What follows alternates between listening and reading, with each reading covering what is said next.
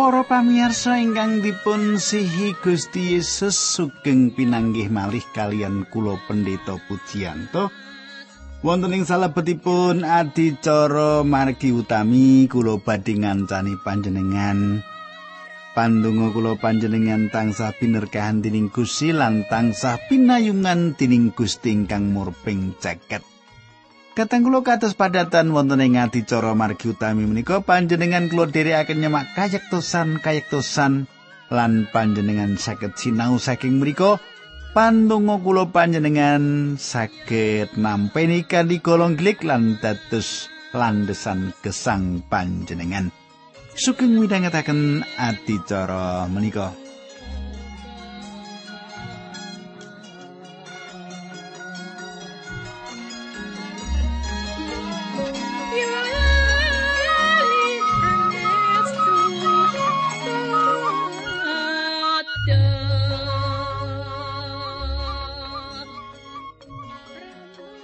Para pamirsa menapa panjenengan tasih kemutan menapa ingkang kula aturaken duk pepanggihan kepengker? Wonten ing pepanggihan kepengker ingkesipun kula sampun ngaturaken panjenengan kula sampun dherekaken bilih kekirangan pangan, mongso kekirangan pangan menika saestu ngidapi-dapi nempuh Samaria awit Samaria dipun kepung dening mengsah kinepung binaya mangap. Ngaten nggih. Lajeng kados pundi kateng kula? Kita badhe terusaken lan badhe ndedonga nanging sadèrèngipun ndedonga kula ngaturaken salam kula dumateng Bapak Yohanes Budianto dusun Bugel. Pak Yohanes kula sampun dahar wonten dalem panjenengan nggih Pak wah enak tenan nggih. Nah kadang kula monggo kita ndedonga sesarengan Duh Kanjeng Rama ingkang adhedhampar wonten kraton ing kasuwargan kawula manembah dumateng paduka Gusti. Kula nyuwun menawi wonten ingkang samenika sakit paduka sarasaken. Menawi wonten ingkang ringkih imanipun paduka kiyataken. Dinambaran asmanipun Gusti kawula Yesus Kristus kawula ndedonga haleluya amin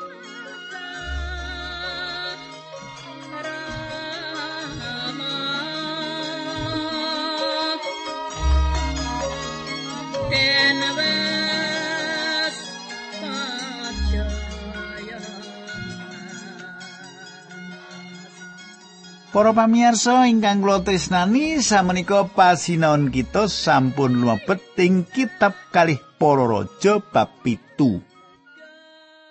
Kita sampun lumebet ing kitab kalih para raja bab 7.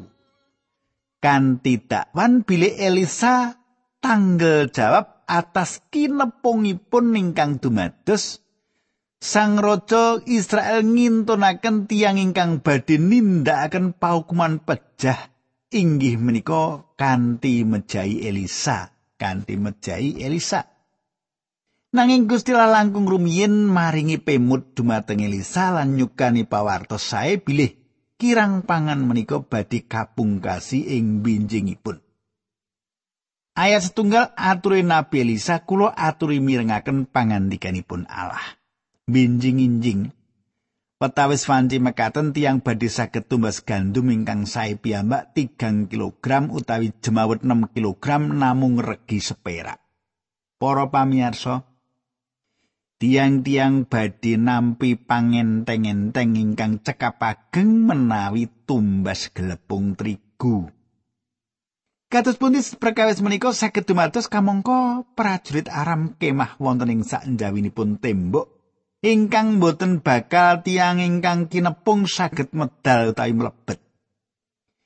Cetha ing mriki Sang Raja pitados menapa ingkang dados pamecanipun Elisa ingkang saestu kendel awit piyambakipun ngetohaken gesangipun ing wekdal menika. Nanging ajudanipun malah boten pitados dumateng piyambakipun. Ayat kalih. Ajudane Sang Prabu semula matur mokal Senajan samenika ugi Allah mbikak konten-konten ing langit pangandikane Nabi Elisa.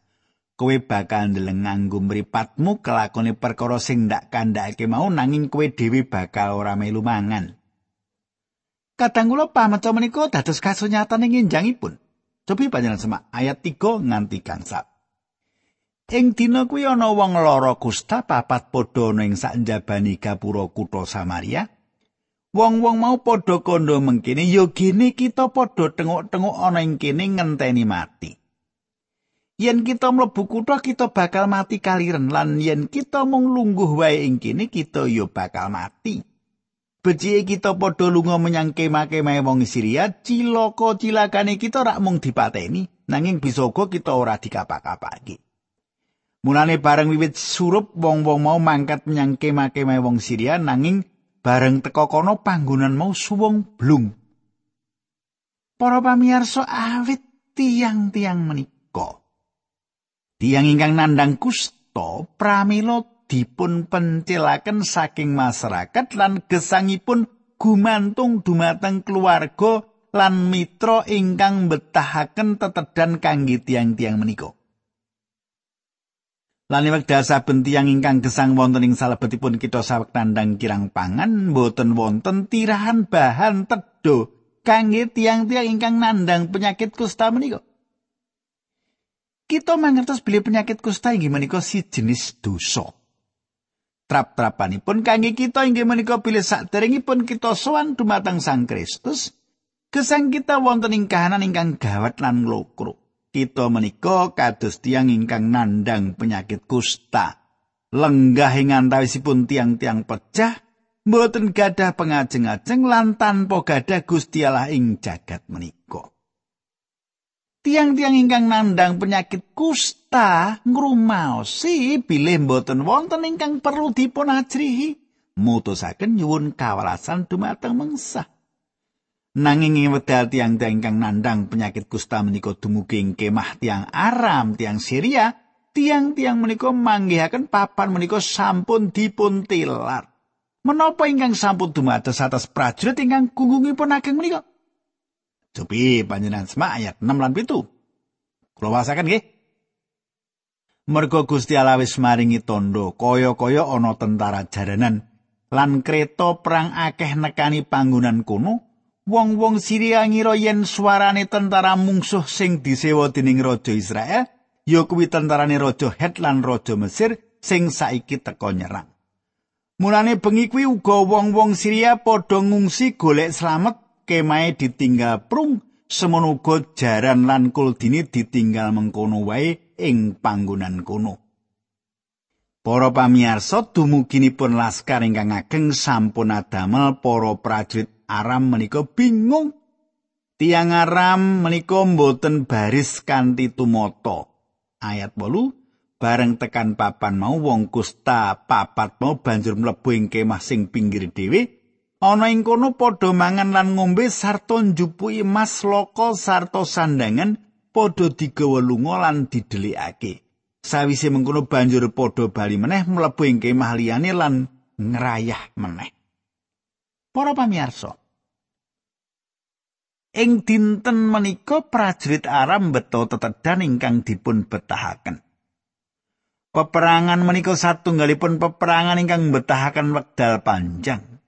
Tiang Aram menika sawek ngepung Samaria kita ingkang mapanipun wonten ing sak nginggilipun gumuk. Ing wekdal tiang-tiang menika bingung pramila mlajeng lan nilaraken sedaya bekal ingkang wonten sedaya sangu ingkang wonten. Sasampunipun prajurit Aram nilaraken papan menika, tiang-tiang ingkang nandang penyakit kusta menika mlebet ing kemah lan nedha sak remenipun. Tiang-tiang menika ugi manggihaken lan nyingitaken langkung kathah mas lan perak. Ayat 9 Sing siji kondo karo kanca-kancane tumindak kita iki ora bener. Perkara iki mesine kita laporake yen ngenteni sesuk kita kesalahan lan mesti bakal dihukum. Mulane ayo saiki kita padha lapor marang perwinaning kraton. Para pamirsa. Samenika karemenan sampun langkung lan tiang-tiang menika lajeng emot sinten to piyambakipun menika. Wonten satunggal wucalan kasukman ingkang ageng ing mriki kangge kita. Ing wekdal menika panjenengan lan kula sawek ngraosaken pangandikanipun Gusti Allah. Dinten menika satunggalipun wekdal nampeni pawartos sae lan kita lenggahing mriki lan ngraosaken kados pundi gegayutan kan nglantaraken pangandikan menika dumateng sesami kita. Menapa ingkang saweg panjenengan tindakaken kangge ngedum pangandikanipun Allah kalian tiang-tiang ingkang luwe secara kasukman?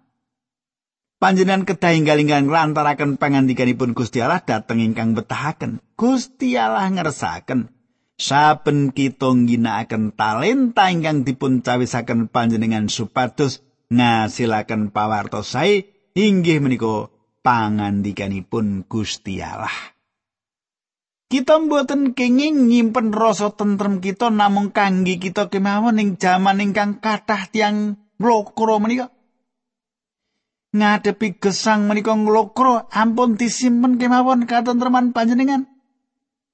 Nah kateng kula sasampunipun tiang-tiang ingkang nandang kusta menika nyariosaken dumateng Sang Raja pawarto sae menika bangsa Israel mebet ing kemahipun tiang Aram ingkang sampun dipun tilaraken lan manggihaken cekap kathah tetedan kangge nyukani tetedan sawetawis ewon prajurit tetedan luber-luber pameco Elisa saestu dados kasunyatan.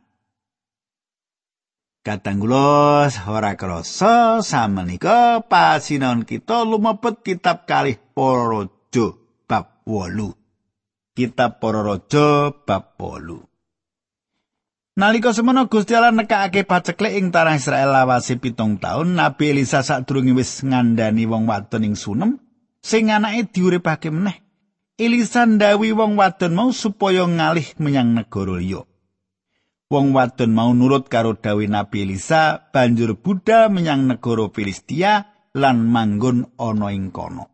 Para pamirsa, Elisa sanjang dumateng tiang setri sunem menika supados nilaraken papan dunungipun lan kisah dumateng satunggalipun papan sanes awit badhe wonten kirang pangan sadangunipun pitung taun ing daerah menika. Tiang setri menika pitados lan bangun turut dumateng Elisa piyambakipun betos sedaya anggota keluarganipun dateng tanah Filistin lan manggen ing mriku ing mangsa kirang pangan menika. Kirang pangan menika satunggalipun paukuman Gusti Allah atas kerajaan sisih ler. Menika lelampahan ingkang mrihatosaken ingkang sampun nempuh negari kita sawetawis taun pungkasan menika satunggalipun pemut kangge bangsa kita. Lindu, lesus, barat ageng lan lelampahan-lelampahan ingkang mrihatosaken ingkang sanes nempuh ing daerah kita manut kula menika satunggalipun pemut-pemut saking Gusti Allah supados kita mandek lan ngribah cara gesang kita supados gesang kita selaras kalian menopo ingkang dipun kersakaken. Ayat telu papat lima lan enam. Sawise pitung tahun banjur bali menyang Israel, satekani banjur sowan marang sang Prabu nyuwun supaya omah lan pekarangane dibalekake meneh marang dheweke. Nalika semono Sang Prabu lagi ndangu Gehasi abdine Elisa bab kaeloan-kaeloan sing ditindakake dening Nabi Elisa. Gehasi lagi wae nyritakake bab Nabi Elisa nggone nguripake meneh bocah sing wis mati. Dumadakan wong wadon saka sunem mau teka ngaturake panyuwune marang Sang Prabu, ature Gehasi marang Sang Prabu Gusti, menika tiyangipun istri lan menika anakipun ingkang dipun gesangaken malih dening Nabi Elisa. Sang Prabu banjur ndangu wong wadon mau bab anake sawise mengkuru Sang Prabu banjur nimbali punggawani sarta paring dawuh supaya sebarang darepe wong wadon mau dibalekake semenuga sakai pametunui palemahan sadurunge ditinggal pitung taun ana ing papan liya. Para pamirsa, ing wekdal kekirangan pangan sampun paripurna. Wanita sunem menika wangsul dhateng griyanipun ingkang rumiyin lan piyambakipun manggihaken bilih griyanipun sampun dipun enggoni tiang sanes.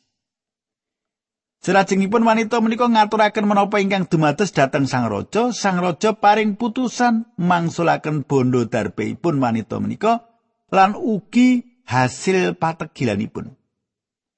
Menika inggih menika satunggal menapa ingkang dipun tindakaken Elisa ingkang saestu ngedapi-dapi emut bilih sang raja Aram sampun budidaya supados saged nyepeng Elisa lan badhe kapejahan nanging sang raja samenika sampun sepuh lan badanipun sampun sesakiten. Ayat pitu nalika Nabi Elisa beneri ana ing Damsik, Raja Ben Hadad lagi gerah. Bareng mireng yen Nabi Elisa ana ing Damsik, kula sigek semanten yen Kadang kula sang raja mbatos bilih Elisa badhe mulihaken kesehatanipun. Awit gadah pemanggih bilih gesangipun saged ugi wonten ing astanipun Elisa. Tentu kemawon sang raja mboten wantun menapa menapaken Elisa sinaosa namung rambutipun. Ayat 8 Sang Prabu ndawi Hasael abdini nabi kuwi saosana apa-apa banjur nyuwuna supaya miterang marang kersane Allah apa laraku iki bakal mari apa ora. Para pamirsa, Hasael kisah badhe kepanggih kalian Elisa. Piyambakipun menika senopati prajuritipun Ben Hadad. Wonten satunggal ayat ingkang meratelaken piyambakipun wonten ing setunggal praja 19 ayat kang 11 ingkang meratelaken Dawi Allah balio menyang ora-ora samuning Damsip asae jebatono kanggo tondo nggone bakal kaangkat dadi raja ing Syria. Kadang kula dados Hasael sampun dipun jebati minangka raja sawetawis taun saderengipun. Piyambakipun namung nenggo ngantos Ben Hadad pecah panjenengan mangertos sanget bilih. Prakawis menika saestu angel kanginipun ingkang gentosi sang raja netesaken luh ing pametakanipun. Awit pametaan menika ingkang dados sarana gentosi badi gadah pangwas. Ingkang gentosi badi gadah pangwas. Dados hasil kisah kepanggilisan nanging kula pikir piyambakipun kisah tanpa kinantenan semangat. Piyambakipun ngaturaken barang-barang ingkang aji kangge Elisa ingkang asalipun saking sang raja. Ayat 9 ngantos sedoso. Hasael banjur sowan marang Nabi Elisa nggawa hadiah rupa-rupa pametune kutha Damsik. Dimotake to patang puluh satekane ing daleme Nabi Elisa Hasael matur ingkang abdi raja Benadad ngutus kula kedawan nyuwun pirsa menapa gerahipun menika badhe saras menapa mboten. Wangsulane Nabi Elisa Gusti Allah sampun paring pertondo dhateng kula bilih benahat badhe kapundhut nanging matur kemawon bilih badhe saras malih. Kadang kula panjenengan gatosaken menapa ingkang dipun sanjangaken Elisa, kowe mesti bakal waras nanging kowe ora bakal urip. Menapa ingkang dipun sanjangaken Elisa menika kados gadah kalih tujuan. Badhe kapundhut nanging badhe saras malih. Menika rak bingungaken nggih. Ayat 11. Nabi Elisa banjur mandeng marang Asael nganti Asael wedi banget dumadakan Nabi Elisa muwun. Kadang kula paningalipun pandelengipun Elisa, paningalipun Elisa mandeng dumateng Asael ngantos Asael rumas ajri sanget. Selajengipun Elisa wiwit nangis. Bab 8 ayat 12 unjuk Yasael kenging menapa panjenengan muwun Pangandikane Nabi Elisa sebab kula mangertos piyawon ingkang badhe panjenengan lampahi dhateng bangsa Israel. Panjenengan badhe mbesmi kita-kita ingkang wonten bentengipun badhe mejahi para nem-neman mawi pedang nekai bayi-bayi lan bedah wetengipun tang istri ingkang sawek ngandut. Para pamirsa, Elisa mboten muwun awit sang raja. Piyambakipun resnani umatipun. Piyambakipun resnani Gusti Allahipun, piyambakipun ngremeni peladusan ingkang sampun dipun paringaken Gusti Allah dumateng piyambakipun. Piyambakipun menika nabi manahipun ajur awit ben hadat dados raja ingkang saestu awon. Nanging asal malah badhe nekakaken kacilakan dumateng umatipun. Sinau saya sampun jebati dados raja lan saya sanjang pun boten badhe nindakan piawon. Elisa mangertos langkung sae. Ayat 13 ngantos kang salas makaten surasipun. Aturi Asael, ah kula menika namung tiang alit ingkang boten gadah pangwaos. Mokal menawi kula badhe tumindak makaten. Pangandikane Nabi Elisa Gusti Allah paring sumerep dhateng kula bilih panjenengan badhe jumeneng raja ing Syria. Bareng asal bali ing kraton didangu dening Ben Elisa ngendika kepriye aturi asal. Miturut pangandikanipun Sang Prabu badhe saras malih. Nanging esuke asal njupuk simut dicelopake ing banyu dinggo ngrukupi sirahe Ben nganti Sang Prabu sedo lemes. Hasil banjur jumeneng raja ing Syria ngenteni Ben Hadad. Kula inggih kados mekaten menika ingkang dipun weca Elisha. Samenika kula terusaken ayat 16 ngantos 18. Yehoram putrane Yosafat jumeneng raja ing Yehuda nalika raja Yoram putrane Ahab jumeneng raja ing Israel limang taun lawasi. Yehoram nalika semono yuswa telung puluh loro taun lan lawasi jumeneng raja ing Yerusalem bolong taun. Yehoram kromo karo putrane putri Ahab lan kaya keluargane Ahab liyane, Yehoram yo nglakoni piolo ing ngarsane Allah kaya sing dilakoni dening para raja ing Israel. Kadang kula Samenika panjenengan saged mirsani kenging menapa Gusti Allah mboten kepareng neningkahan campur. Sinaosa Yehoram inggih menika larenipun Sang Raja Yosafat ingkang wedi asih dumateng Gusti Allah. Piyambakipun ningkah kalian laris setrinipun Ahab lan Isabel lan kenging pengaruh ingkang awon saking setrinipun. Piyambakipun nindakaken menapa ingkang awon ing pamirsanipun Gusti. Samenika kita nyemak bilih Israel badhe nglampahi mundur minangka jejeripun bangsa ingkang ageng.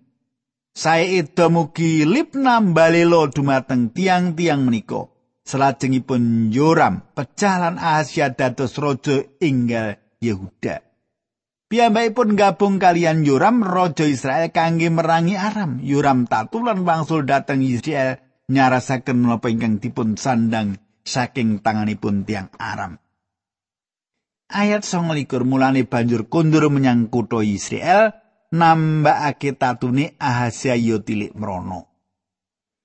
Kadang kula ing pasal salajengipun kita badhe nyemak menapa ingkang dumados atas piyambakipun sawetawis piyambakipun wonten ing Israel sawek ngobati tatu-tatunipun. Para pamirsa kula sigek sementen rumiyin badhe dilipun lajengaken ing sanes dal nek tak teruske bab-babe wakeh banget.